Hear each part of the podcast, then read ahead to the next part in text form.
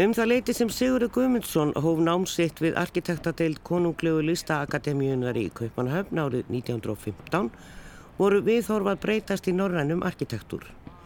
Í deiklunni var ný stefna sem hér verður nefnd Norræn Klassik og hafði viðtæk áhrif á norræna húsagerð frá árunum 1918 til 1930.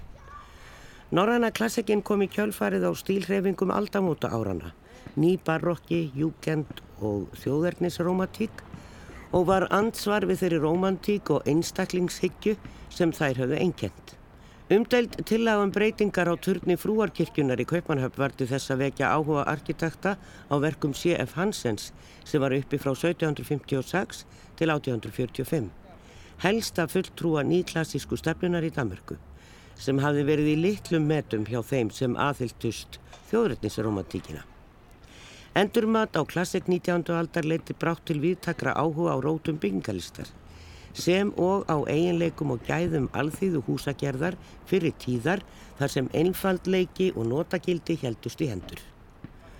Svo segir í upphafi veglegar síningaskrár sem gefin var út í tilhefni síningar um Sigur Guðmundsson arkitekt árið 1997 að Kjærvalstöðum. Pétur Ármannsson arkitekt fjallaði um hann. En Við ætlum sem sagt í stuttanleðangur um nokkrar af annars mörgum byggingum eftir Sigur. Já, Sigurður Guðmundsson, arkitekt, hann er eh, nokkuð merkilegu maður og komir óvart við frá að lesa um hann hvað hann teiknaði þó mörg hús hér á, í byrjun síðustu aldar, eða fyrirluta síðustu aldar. E, hann hefur náttúrulega oft verið nefndur á flakkinu, við hefum gengið fram hjá húsunum hans og, og, og pælt í þeim. Hann var náttúrulega maður funksjonalismas, getur maður sagt, og nýklassíkinn var uh, hans stíl en hann lærir út í, í Kaupanahöfn og verður fyrir miklum áhrifum þar. Teiknaði meðal annars Hafnarhúsið og, eh, Stýrimannaskólan og Östubæðaskólan og uh, það er kannski svolítið merkilegt að hann á þessi stórhísi hérna í Reykjavík því að Pétur Ármarsson, arkitekt og byggingalistræðingur er með okkur og hann hefur nú haft orða því um að þegar Guðjón Samuelsson var húsameistari ríkisins að þá var nú ekkert var ekkert mikið að gera fyrir aðra arkitekta. Húsameistari teiknaði allar stórbyggingar í, í bænum. Þannig að það er kannski svolítið merkilegt að hann eigi þessar stórbyggingar. Við fáum að heyra því vonandi í dag. En uh, Östabæðaskóli við höfum nú svo sem tekið hann fyrir hér alveg svona um sögu skólans á flakkinu en og þetta hús hefur borðið á góma út af háborginu auðvitað og þetta var svona eina húsi sem var byggt. Sigur tekur mið af því þegar hann teknar þetta hús? Já það er rétt. Þetta hús er eiginlega lokaverkefni Sigurðar vegna þess að hann, hann átti bara eftir að klára lokaverkefni sitt frá skólanum e, 1924 og hann fær þetta tækifæri, þú nefndir uh, Guðjón Samúlsson og hann hefði, hefði teiknað allar ofmeira byggingar. Það er rétt sko sem að ávið uh, byggingar í, sem voru kostar og ríkissjóði ríkisbyggingar en, en náttúrulega var það bærin sem að byggði Reykjavíkubær sem byggði þennan það skólahús. Þannig að það var annar aðili og Sigurðið sem sagt býðist að teikna þetta verkefni 1924 þá var hann sem sagt um það byrja að ljúka námi og hann kemur, tekur það ákvörðun að flytja hingað heim til Reykjavíkur og vinna þessu verkefni sem hann gerir ó næstu, næstu 5-6 árin þegar skólinn er tekin í nótkun 1930 og var þá þeim tíma eitt veglegasta og best búna skólahús, ekki bara hér á landi heldur víðar eftir því sem að sagnir segja.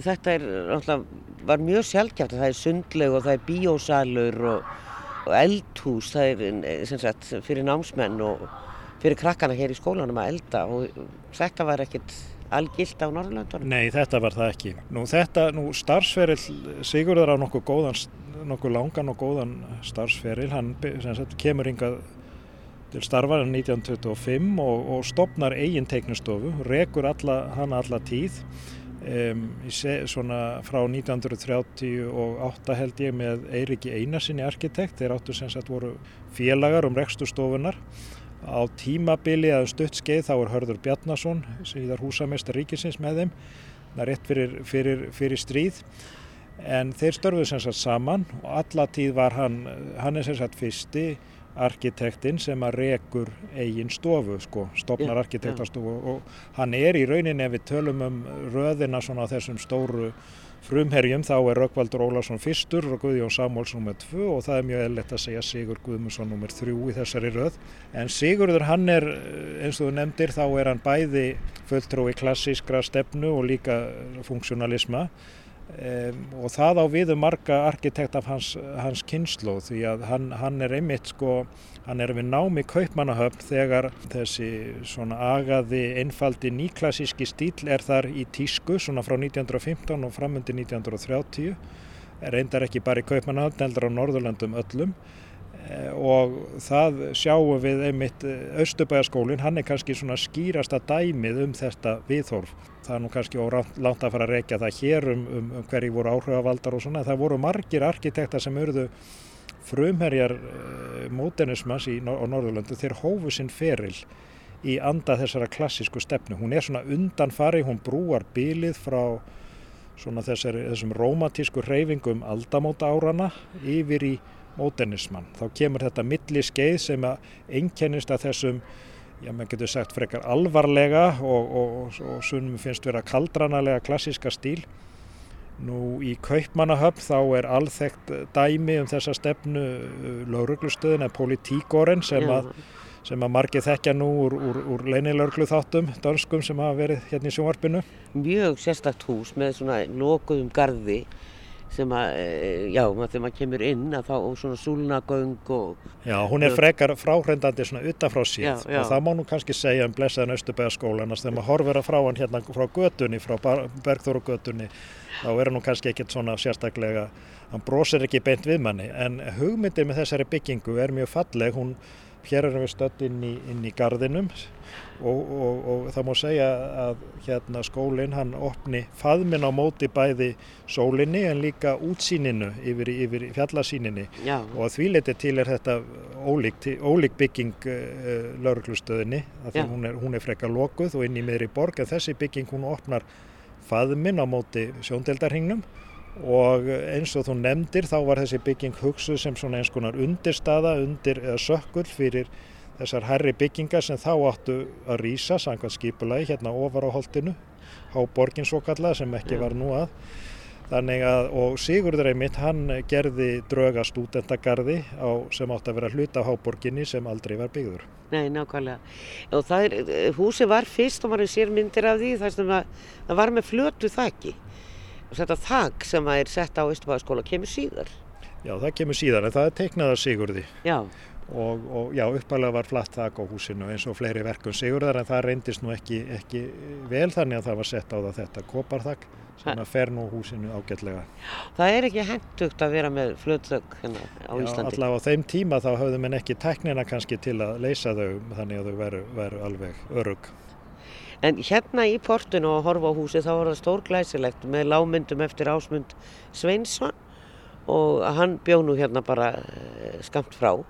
En kannski ekki komið húsið hans þegar skólinn er byggður, ég þurfum ekki að fara með það. Nei, en það má segja kannski að þessar myndir hafi orðið til þess að hann byggði, byggði sitt hús aðna við freyjugötuna. Það var jú, sko, þetta var svolítið, þetta lýsi kannski metnaði manna listrænum og menningarlegu metnaði bæjarriður alltaf þeim tíma að, að, að kosta e, samkeppni um, um, um þessar skreitingar. Án Eva hefur nú Sigur Guðmundsson haft eitthvað um það að segja að, að það var lagð áherslu á að skreita bygginguna með, með svona myndum. En það er allavega haldinn samkeppni og það vil þannig til að það er bara einn tillega sem berst. Það er tillega Ásmunda Svinssona sem þá var nýkominn frá námi ásand konu sinni og uh, hafði lítið að gera en þetta, þetta verkefni var mjög kjær, honum kjærkomið og hjálpaði honum mikið fjárháslega að fá þetta því að það var, hann fikk ekki bara borguð verlaunin heldur líka fekk hann borgað fyrir alla sína vinnu í kringum þetta.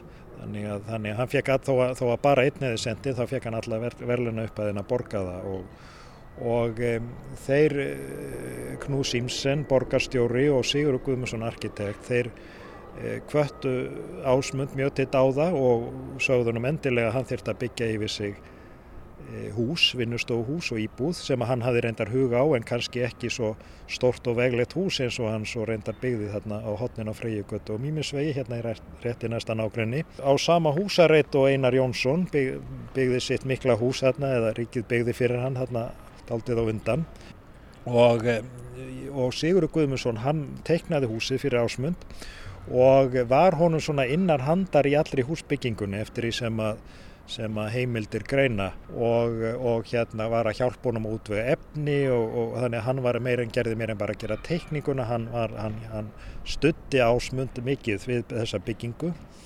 Og það er líka aðdeglisvert að Sigurður Guðmundsson hann bjó í nokkur ár, hann var legði á efri, íbúðin á efrihæðinni þarna í freyjugötur hluta þess hús þannig hann var, þetta hús var honum kannski tengdar en önnur verk. Já, hann var með ímsar aðra nýjungur að mér skilst að hann fór á játnabinda var það ekki alveg nýtt í steinsteipun? Jú, hann, hann, kem, hann innleiðir ímsar nýjungar í sínu fyrstu húsum sem eru einmitt, fyrstu íbúðarhúsinas eru einmitt í þessum agaða klassíska stíl. Og í húsinu við Laufásveg 70 þá gerir hann tilraunir með ýmsar tækniníjungar þó að húsið sé klassíst í útliti þá, þá er komið þar fram ýmsar þær níjungar í tækni sem að kannski voru forsenda fyrir svo innum eh, nýju funkishúsum sem hann teknaði þarna strax eftir 1930 eða 30, 1930 fyrsta húsið og svo í beinu framaldi fleiri hús. Hann á hansi mörg hús þarna, Freyðgata, Bestaðastræti og Laugastofur. Já, það, það má segja að hann hafi sett mikið svip á þessa götu, sérstaklega Laufásvegin því að þar á hann röða húsum sem er, er einstaklega falleg og, og, og frá þessum tíma og þar eru sko einmitt frá þessum tíma þegar hann er að færa sig yfir úr klassík, klassískrum stíl yfir í, yfir í hinn, hinn að nýju stefnu eins og hún var kalluð. Hann skrifaði grein þar sem að, sem að hafði sem að, sem að bara yfirskriftina hinn nýji stíl og það er kannski svona segir lýsandi, þar lýsir hann einmitt og skilgreinir sín, sína afstöðu til hinn að nýju stefnu. Þannig að hann var mjög rítfær maður, mikill smekkmaður á, á, á tungumál, áhuga maður um íslenskt mál og, og hann gaf út uh, tækni orðasapn á sínu tíma og hann eh, var starfaði sem bladamadur þegar hann var við nám í Danmörku svo ef ég mann rétt Ég sá það, hann hafði verið að vinna hjá Berlínski tíðinu Já, Já. Og, og hérna þýtti verk eftir Jóhann Sigurðarsson ef ég mann rétt. Þannig að hann kom víða við og var mikill hérna, það var mikill reysn yfir þessu manni og, og allir sem að honum kynntust bera honum að var vel söguna Við ætlum að rölda hérna barúnstígin á að þessum göttum, Freyjegötu og, og Laugásvegi og Berstæðstræti og e, kannski við skoðum nú ekki öll húsin en við ætlum að staldra við nokkur þeirra.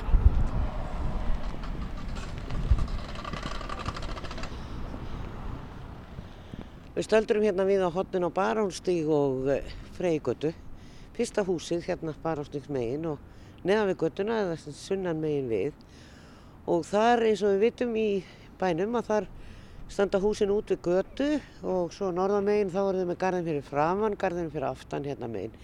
Og það eru fáir gluggar hérna framann á húsinu, það eru tvö kýraugu við dittnar og langur gluggi ofan við dittnar, stigagluggi. Svo tvei litli gluggar og svo er þetta bara múrin og þetta þótti fólki nú ekki fallegt á sínu tíma. Það var sem sem fannst þetta bara hreinlega ljótt. Og Jú. hann fekk einhver tíma síðan, var að lasa ekki hjá þér að hann hafði einhvern veginn ekki fengið samþykta tekníka því að, að nefndinni sem átti að samþykja þetta hjá skipuleginu henni fannst þetta svo ljótt. Já það er rétt að það kom, kom bladafregnum það að bygginganemnd Reykjavíkur hefði hafnað teikning á húsi eftir eh, Sigur Guðmusson. Já. Þetta var nú bara held ég á hans allra fyrstu starfsárnum vegna þess að húsið þótti vera svo ljótt og það var ekki sæmand að byggja slíkt hús í Reykjavík. Hún hefði nú betur haldið sig við þann, þann, þann, þann standard setni tíð en, en hérna já, já, já. ég það nú búið margt búið að byggja ljótara síðan. En, en þetta hús var einmitt það sem fór í, fór í menn var einmitt það að göturhlýðin á húsinu var ekki með neinum, neinum stórum gluggum. Og en þetta hús sem við horfum hér á Freyjugata 46 hérna á hotninu er eitt af best varðveittu funkishúsum Sigurðar og það stendur einmitt tannig að það er, lóðin er sólamegin göttunar þannig að húsið opna allar vistæfur húsins Þær eru með stórum glukkum inn í gardin, þanga snúa, snúa öll helstu íveruherbergi en það er einungi stigahúsið og baðherbergin sem hafa glukka út af götunni. Já. Og þetta er mjög, mjög skinsamleg og falleg planlausn og endur speikla kannski notagildi húsins. En þetta er aldrei aðdeglisvert að þetta er þetta, þetta skipula sem Guðmundur Hannesson áttið sinn þátti að innleiða hérna hér á landi að skipa húsunir á lóðu með tillit til sólarátta og það má segja Sigur Guðmundsson í þessum húsum sínum hér í þessu hverfi sérstaklega er að vinna, og, vinna með og laga sig að þessu, þessari hugsun Já. að opna húsin á móti sól og teikna þau snúa, snúa vistarverunum alltaf inn í gardin, inn í sólarátt. Þetta er e, útpælt og það er Ólafur Jóhann Ólafsson rítuðundur sem á þetta hús og dvelur hér þegar hann er á landinu. E, það er ekki að heimsækja hann, hann er aldrei hérna. Þannig að, eða sjaldan, ég held að sé aðalega bara mjólin eða eitthvað slíkt. Þannig að e, það er kostur þegar fólk varðveitir þessu hús. Það er búið að breyta mörgum þeirra ansi mikið. Já, þetta hús er, er fer nú bísna nálagt í að vera hafa haldið sér. Það er að vísu búið að setja á það þak, all, valmaþak sem að ber nú reynda frekar lítið á en uppalega var húsið með flötu þaki og það var, það var steinað með svona ljósum granýtsalla svona örlítið út í bleikt, þannig var það uppalega. Núna hefur það verið steinað með svona ljós gráum úr og það ferði, ferði ágætlega. Það voru uppalega járngluggar í þessu húsi og flestum húsum sigurðar en þeir, þeir eru nú hornir nánast í allstaðar. Það er á einstaka stað þar sem að finna járnglugga í kjallara en að öðru leiti þá hefur þetta nú hús haldið sínum megin dráttum og en mörg þessi hús sigurðar það er búið að byggja þau herrið þau og breyta þeim mjög mikið og það Sko, þetta hús er teiknað sumari 1931 og á þeim það sumar þá starfaði hjá Sigurði eh, Gunnur Haldósson, þá nefandi arkitektur. Og það má segja kannski að teiknistofa Sigurðar hún hafi verið svona ákveðin uppeldistöð fyrir unga arkitekta þarna í byrjun heimskreppuna miklu þegar að þessi nýja stefna var að, var að festa sér sess. Og þetta er í rauninni stórmerkileg eh, skeið í okkar byggingasögu því að þarna er, eru nýjustu hugmyndir módernismans í arkitektur komnar eiginlega fullskapaðar í íslenska byggingasögu og það er þá töluvert á undan því að, að, að módernismin festir sig fyllilega í sessi til dæmis í málaralist. Þannig að þessu leiti er þessi hús, þau þessi hús voru mjög framústöfnuleg fyrir sín tíma en eins og, eins og við höfum nefnt þá eru fæstera sem að hafa haldið öllu leiti sínum einkennum en húsin hérna eftir Sigur 2 í Freyjugötunni það má segja þetta hús og, og Ásmundarsal hérna nummer 41 hérna eins og varum við götuna að, að þar er þakkarður en ennþá húsin og það hús hefur líka nánast í öllu leiti haldið sínum, sínum uppáflega formi. Það er búið að sælja Ásmundarsal en uh, Við erum alveg vissum að fólki sem að kefti húsið það allar að gera því gott og halda því við eins og það er og breyta því ekki. En það má segja að þessi hús sem snúa svona út í göttuna þetta er mjög prívat. Það er, það er hátt uh, grindverk í kringum húsið og maður getur eiginlega, hverkið maður þarf eiginlega að fá að koma inn í gardin til þess að, að skoða hvernig það er hinnum með. Það er náttúrulega komið gróður hér þó maður að við sé myndir af því að þegar þetta var byggt þá var ekki stingandi strá hérna. Já, í, í hérna, það er mynda þessu húsi eftir Vigfús Sigurgjersson sem er nú í bókinu Gullur Haldásson eh, húsið þá nýbyggt og þá sér maður garðliðin á því mjög vel. Hún, hún sést ekki lengur frá götu en hún er mjög falleg. Já, akkurat. Við ætlum að rölda áfram hérna niður úr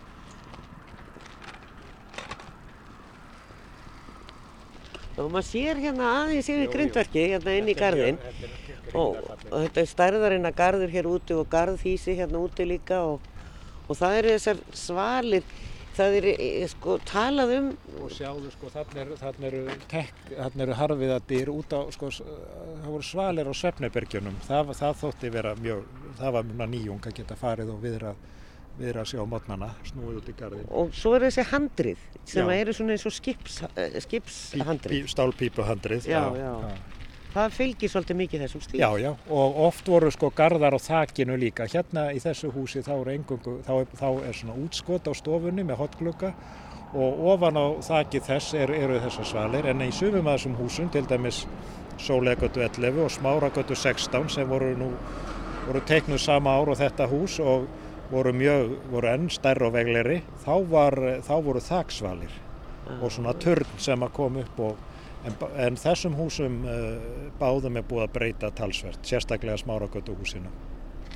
Sagði Pétur Ármánsson arkitekt og það vita margir um hvaða hús er átt. Þarna var tekniska sendiráðum tíma. Húsið er alveg við hort hringbröytar og smáragötu og í því hefur verið gistiheimili nú í mörg ár. En af öðrum verkum Sigurðar sem tælja má til norrætnar klassikur ber helst að nefna elli og hjúgrunarheimili grund við hringbröyt og innréttingu Reykjavíkur apoteks á jarðfæð Östustrætis 16. Bæði verkinn teiknuð og unnin árið 1928-30. Elli heimilið var stílrein og látlaus bygging þar sem dagspyrtar ég mestu um innra skeipulag. Þrjár megin álmur mynduð bygginguna í upphafi og var afstæða þeirra með við það sem flest herbergi snýru glukkum í sólaráttir. Á millið þeirra var skjólsætt gardur mútið söðri. Livjabúðarinnrettingin hefur sérstaklega listsögulegt gildi þar sem hún er eina heilstefta innrettingin hér á landi með skýrum einkennum norrætnar klassikur. Svo segir í síningaskrá kjárvalstæðar frá 97. En hvar er þessi blessaði innretting sem svo oft er talað um? Ég veit á er til en mjög illa faranlega. En svo sannarlega komið tími til að huga að henni á einhvern máta og gera henni góð skil á safni eða annar staðar. En við skulum halda áfram. Ég við erum komið hérna á hotnið á Berstæðistræti og Sigurður Guðmundsson á nokkuð mörg hús hérna og við ætlum nú í heimsókn í eitt þeirra hér á eftir en uh, þú nefndir að, að uh, bygginganemndin sem að fannst húsið hans svo ljótt að þau vildi ekki lefa hann að byggja það þá komu nú líka upp deilur hverjir sátt í þessari bygginganemnd voru þeir nógu miklu fagaðilar en allavega hann að gerða þeir kröfur og Það, ég las líka um það að hann var mjög duglegur að fara og skoða nýjungar og, og, og svona hvað væri í gangi. Þá dættum hann í hug sko, að krafan í dag, eru arkitektar nú duglegir að skoða hvað er í gangi í byggingalistinni til þess að vera up to date eins og maður segir? Já, ég held það nú. Ég held að það hefur nú ekkert breyst. Það hefur verið alveg frá fyrstu tíð. Guðjón Samúlsson líka fór erlendis út af flestum sínum stór byggingum. Röggvaldur Ólafsson eh, maður sér það, það sem hann bæði sambandið í Vívilstaði og tilöfans að safnahúsuna, hann fyldist mjög vel með, með því sem var að gerast nýjast og best. Þessi menn keftu bækur og tímaritt og, og ég held að það sé ekkert ólíkt núna, nú kannski skoða menn mér á netinu, en menn ferðast og já, já, já, já. Já. Það er bara, það er bara eðlilegu hluta því að þetta er það mikið vandaverk og ábyrðaverk að, að teikna byggingar að það er óhjákvæmilegt að fylgjast með því sem er að gerast.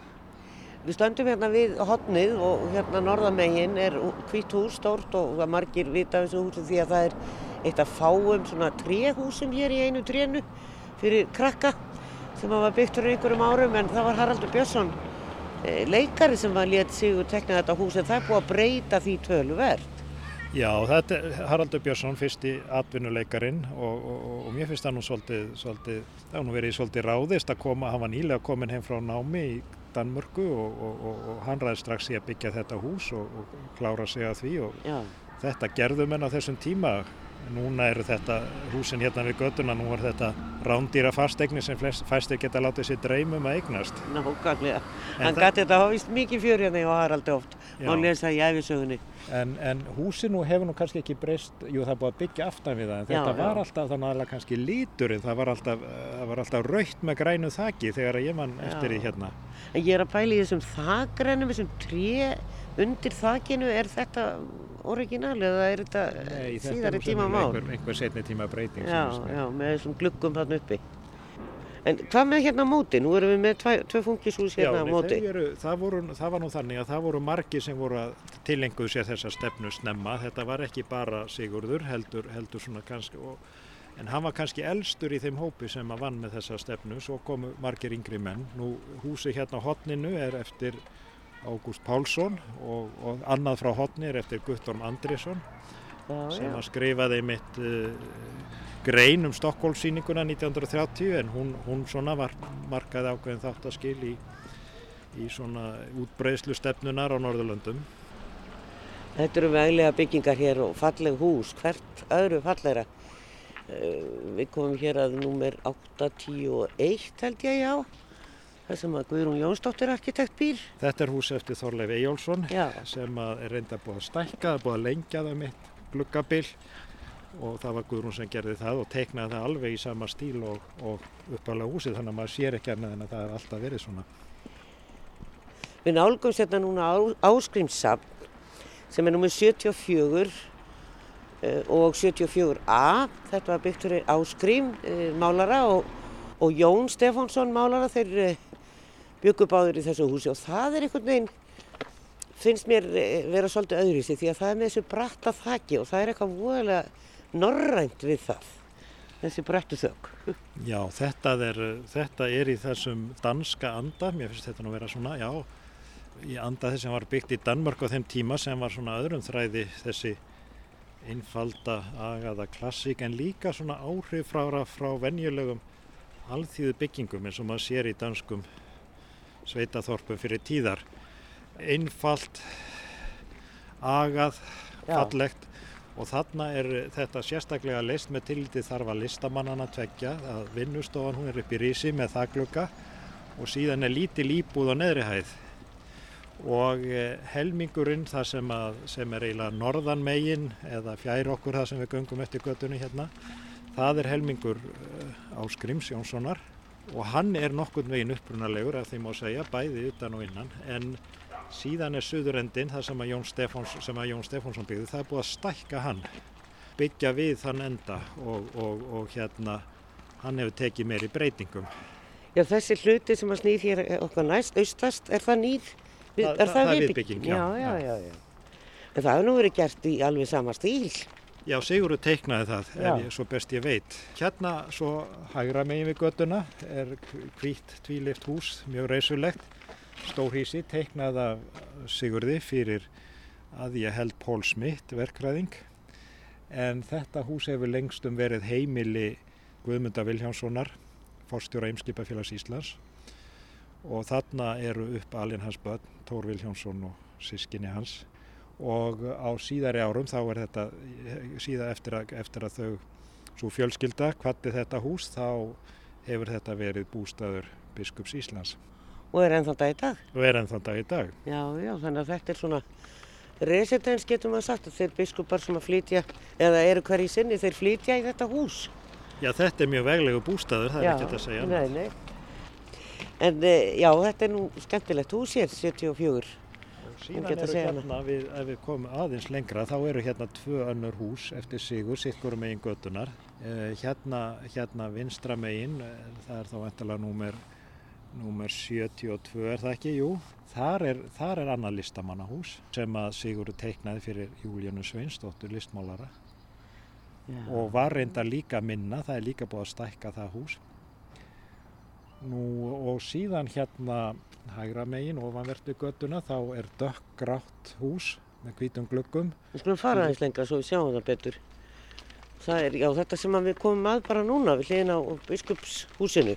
Já, þetta hérna við hliðan á Beiskurshúsinu, þar er enn eitt hús eftir Sigurð og frá 1930, ef ég mann rétt, frá þessum tíma þegar hann er að færa sig úr klassikin yfir í fungis og þetta er svolítið óvenjulegu blendingur þetta hús. Er, og þarna var einmitt, þarna gerði, þetta var teiknaðan fyrir Hall Hallsson tannlækni, ef ég mann rétt og hann var búinn að gera aðra tilögu þessu húsi sem að fekk ekki brautargengi ég held einmitt að, held einmitt að í þessu húsi þá hafa hann líka fengið svona aðtúasendur á byggingarnemnd að það væri ekki nógu þetta hús væri alls, þessi teikning væri alls ekki nógu falleg en þetta er nú niðurstað minnir aðeins á Östurbæðaskólan en þetta er svona svolítið blendingur þetta hús það er ekki alveg það er svona mitt á milli kannski að vera, vera klassík og, og, og, og, og modernismi já, það er svona mjög praktíst sem maður. Það eru, gluggarnir eru nokkuð stórir og allir jafn stórir Já, en svona svolítið öðrísi. Já, svolítið öðruvísi. Já, Þetta, er- já. þetta er ekki, þetta er dálítið óvinnilegt hús. Já.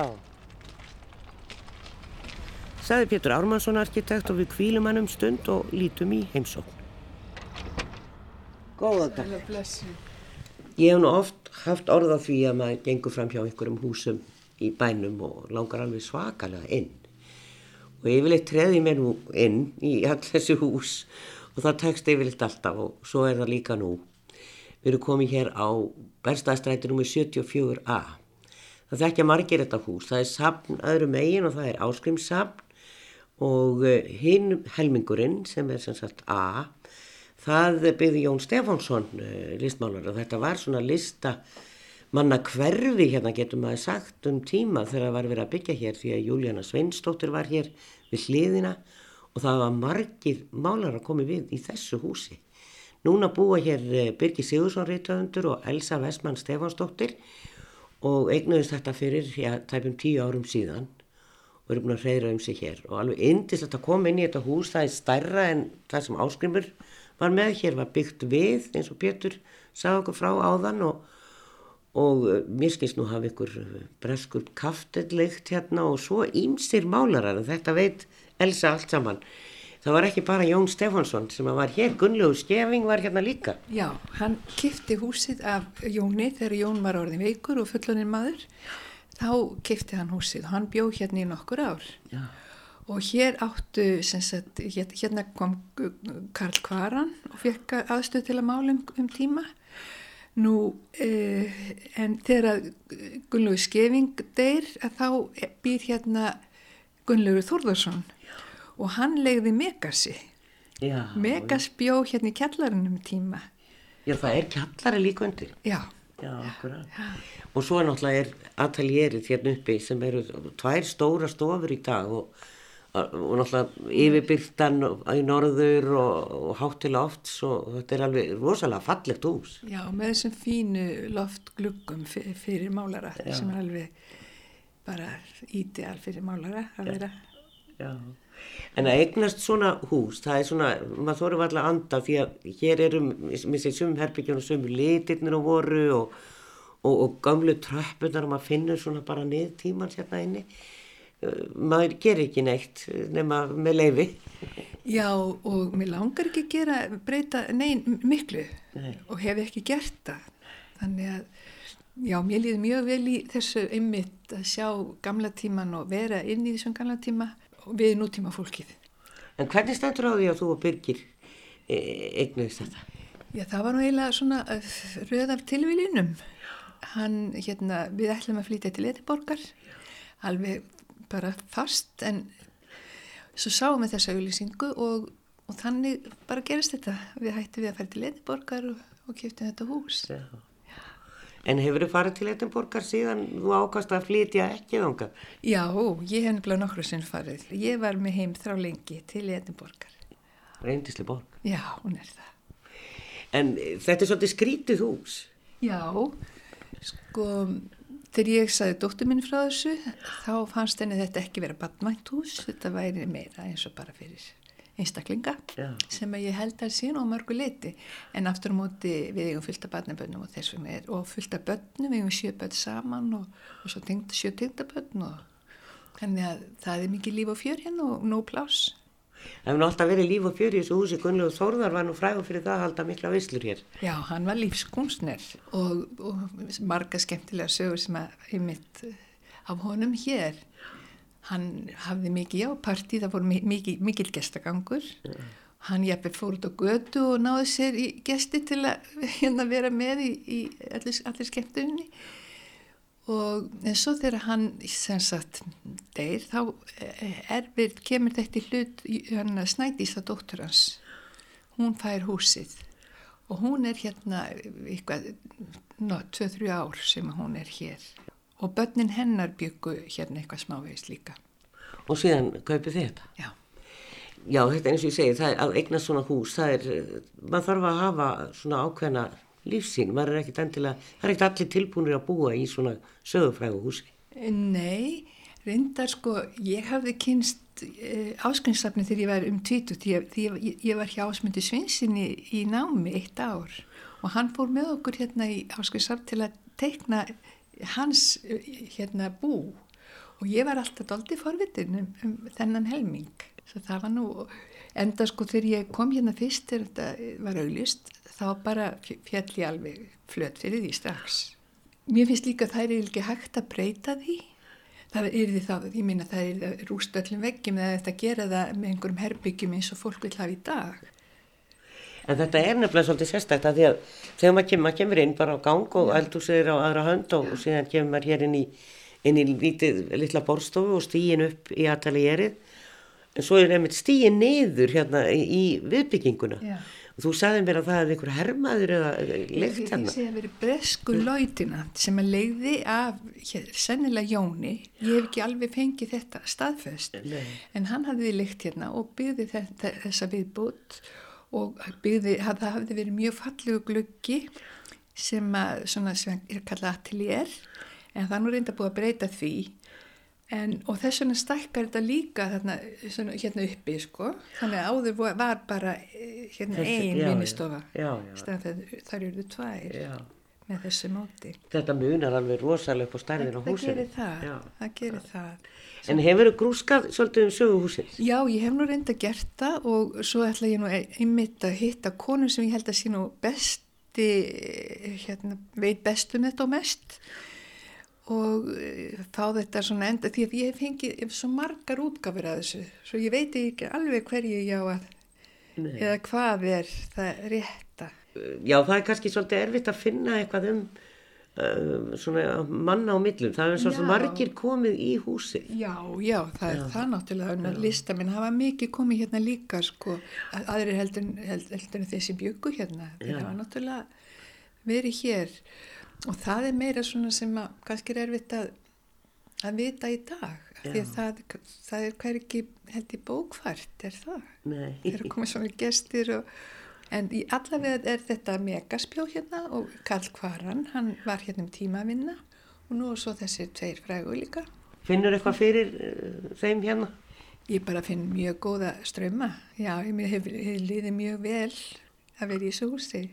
Það er, uh, þú- þið eru hérna í miðbannu, þið komið á spítalastignum veit ég jú. og, og flyttið hingað. Uh, en hvaðan ertu í bænum? Ég er nú bara allstaðar úr Reykjavík. Ég er búið bara um alla Reykjavík þegar ég var bat, sko, og mitt, já, mínu uppeldi. En við bjúkum þarna því byrgir í 30 ára á spítalstík og það er í rauninni merkilegt að svo, þeir sem að kaupa af okkur, það er svonu megasar sem kaupir spítalstíkin.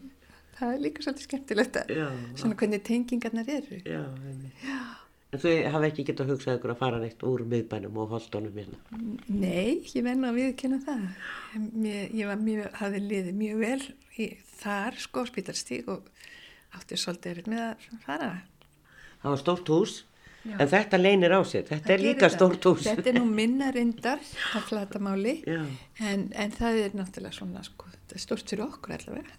Gaman að hitta því. Eindislegt hús og við kvæðjum Elsu Vestmann Stefánsdóttur og talandum stórt.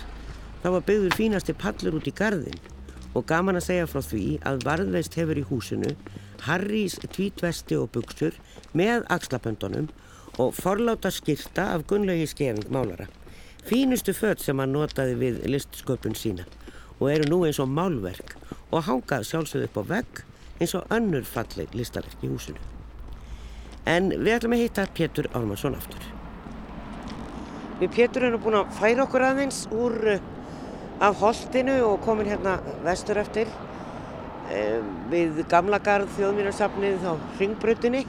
Hórum hér á fallegt hús, með við göttuna með bröttu þakki, það er eftir Sigur Guðmundsson og sömulegis gamli garður og þjóðmýnarsafnið.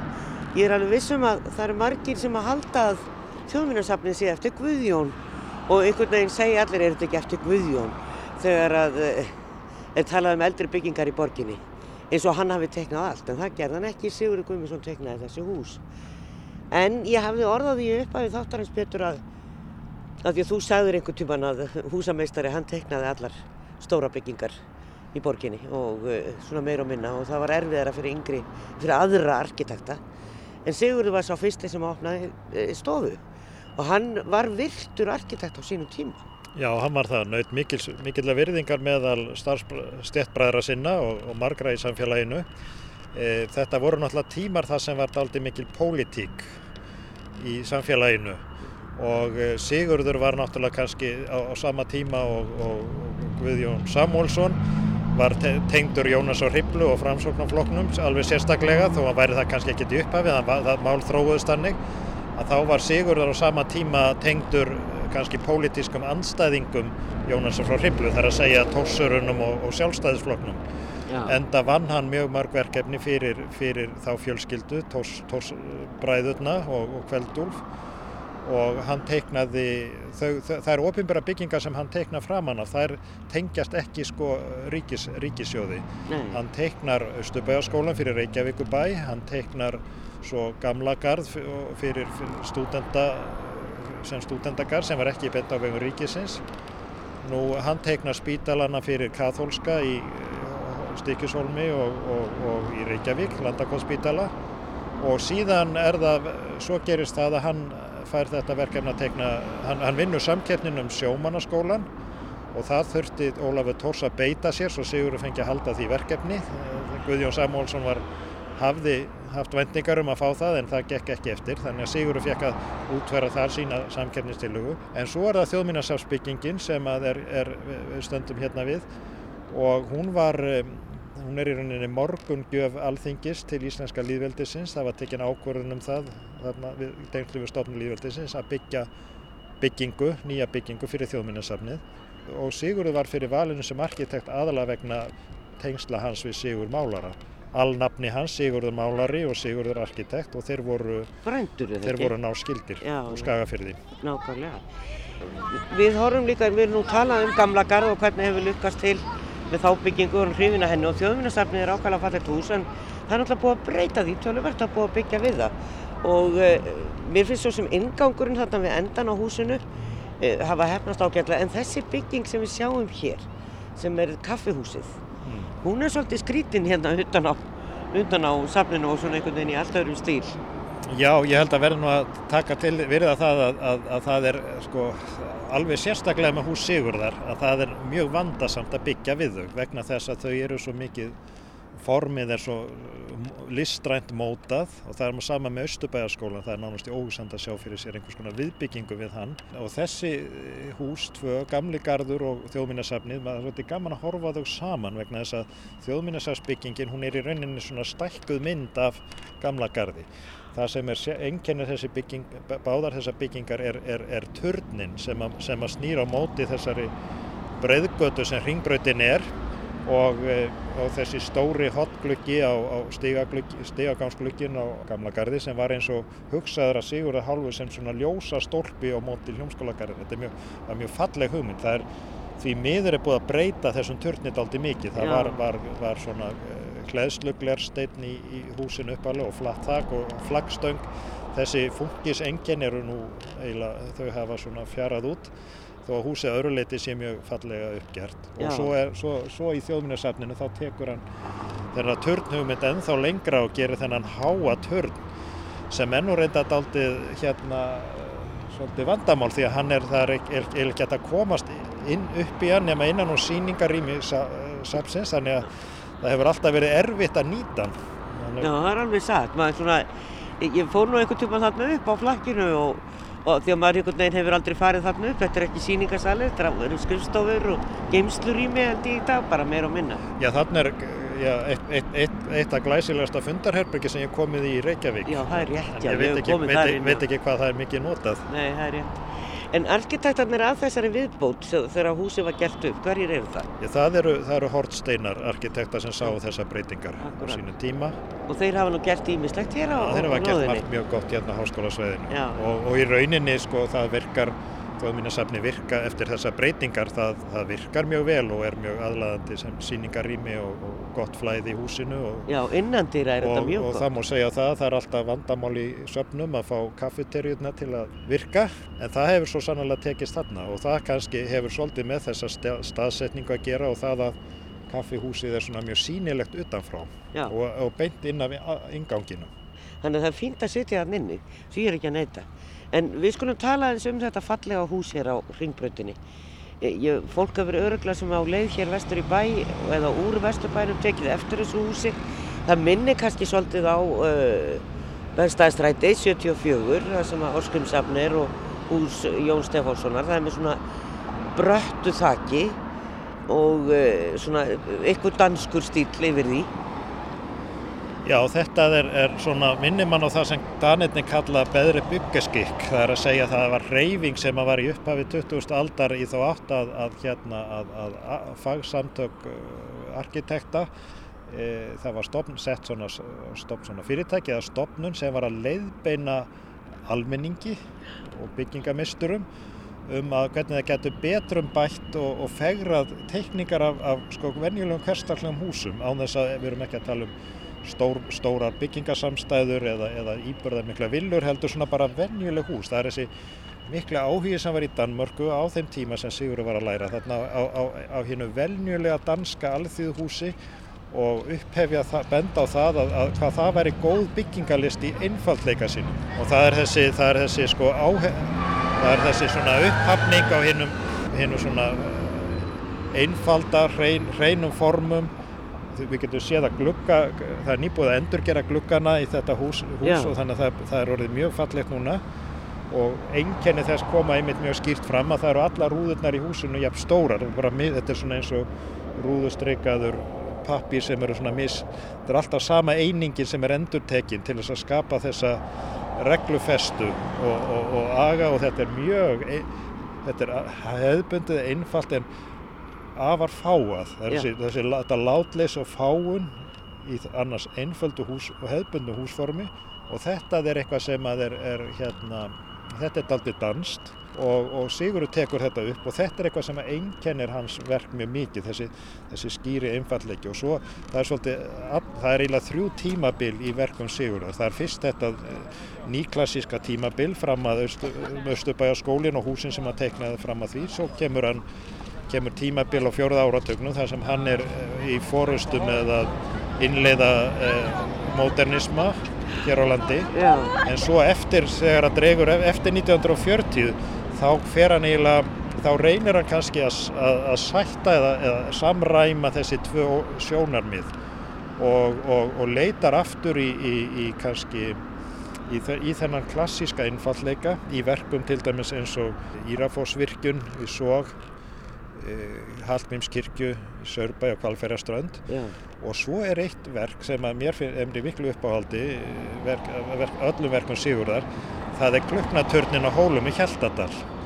Því að hann, átti, hann teiknaði ekki aðeins þennan, þennan törn við Hóladónkirkju heldur áttan hugmyndan að því að minnisvarði um Jón Arason á hólum yrði ekki stitta heldur í formi Glöknatörns sem að, að, sem að þjóna því hlutverki í rauninni að lifta gömlu dónkirkjunni lifta ásýnd hennar í staðarmynd hóla. Það hafði verið í byrjun 20. aldar var byggt sko, stórt skólahús fyrir ofan kirkjuna og honum fannst að, að, að þarna væri, hefði dónkirkjan sett nýður. Hún var, hún gnæfði yfir önnu staðarhús í upphafi en þarna var hún orðin svona undir, svona satt neðar í brekkun en, en með því að reysa, með því að reysa hennar turn Já. sem er alveg listilega fallega eh, hannaður þá svona endurheimti kirkjan aftur svolítið sína, sína reysn Sigur hafði mjög næma tilfinningu fyrir því hvernig byggingar voru settar í landið og hvernig það lítu út í ásýnd og sjómanaskólin er náttúrulega stórkvöldlega dæmi um byggingu sem er mjög,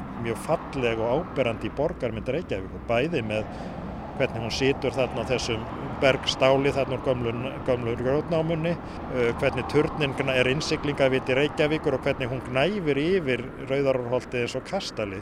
Þetta er eina af þeim byggingum sem setur hvað mestan svip á Reykjavík og, og bæði þarna á hólum og eins í, í Sörbæði og Kvalfjörðarstöðum. Þá, þá kemur þá er sem sagt að þetta er svona hefðbundin form en útfærð af mikilli næmni og tilfinningu á nútímanlegan en mjög hóstiltan hátt. Já. Þetta finnst mér vera einkenni Sigurðar og það, það, þessna, er ekki, þetta er ekki arkitektur sem, a, sem að kallar æpir á mann eða er mjög, mjög skrautgjarn heldur er það er þessi, þessi öguð og einföldur hlutföld sem mér finnst vera hans aðalmerki og mér finnst eiga mikið erindi í byggingalist á, á hvaða tíma sem er.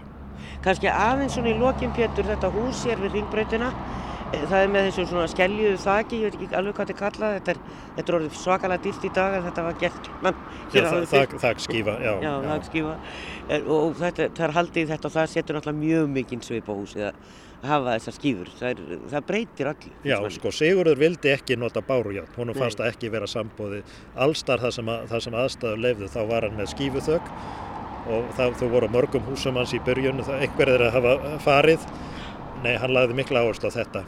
Sama fjölskyldan er búin að búa í þessu húsi ansi lengi? Jú, jú. Nikolás Fridriksson, Rammas eftirlismadur, eh, starfsmaður Rammasveitur Reykjavíkur, hann byggði þetta hús. Eh, Sigurður teiknaði líka fyrir Stengrim Jónsson, Rammasveitustjóra og vann mikið með honum að hönnun sóksvirkjana og hann teiknaði á tímabili öll, öll mannvirki rafvitunar. Bæði, bæði hérna við ellið ár og, og, og sko, ekki reynda gömlu ellið árstöðuna en, en, en starfsmannahús og fleira því tengt og svo öll mannvirki soksvirkjana, þau eru meira og minna öll teiknuð af Eiríki Einarsinni og, og Sigurði Gummiðsson. En það er Þorstein Sæmundsson professor og hans fjölskylda sem búa í húsunum í dag.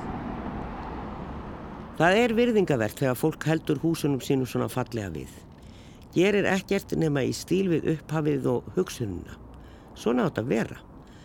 Þó vissulega þurfi breytingar eigast í stað og stundum, en þá ætti fólk að leita til fag aðila. Hlustendur hafa líklega heyrt píp öðru kvoru hér í lokin en við Pétur Almansson arkitekt stóðum við fjölförnustu gunguljós landsins við Háskóla Íslands. Þau eru nánast stöðut í nótkunn.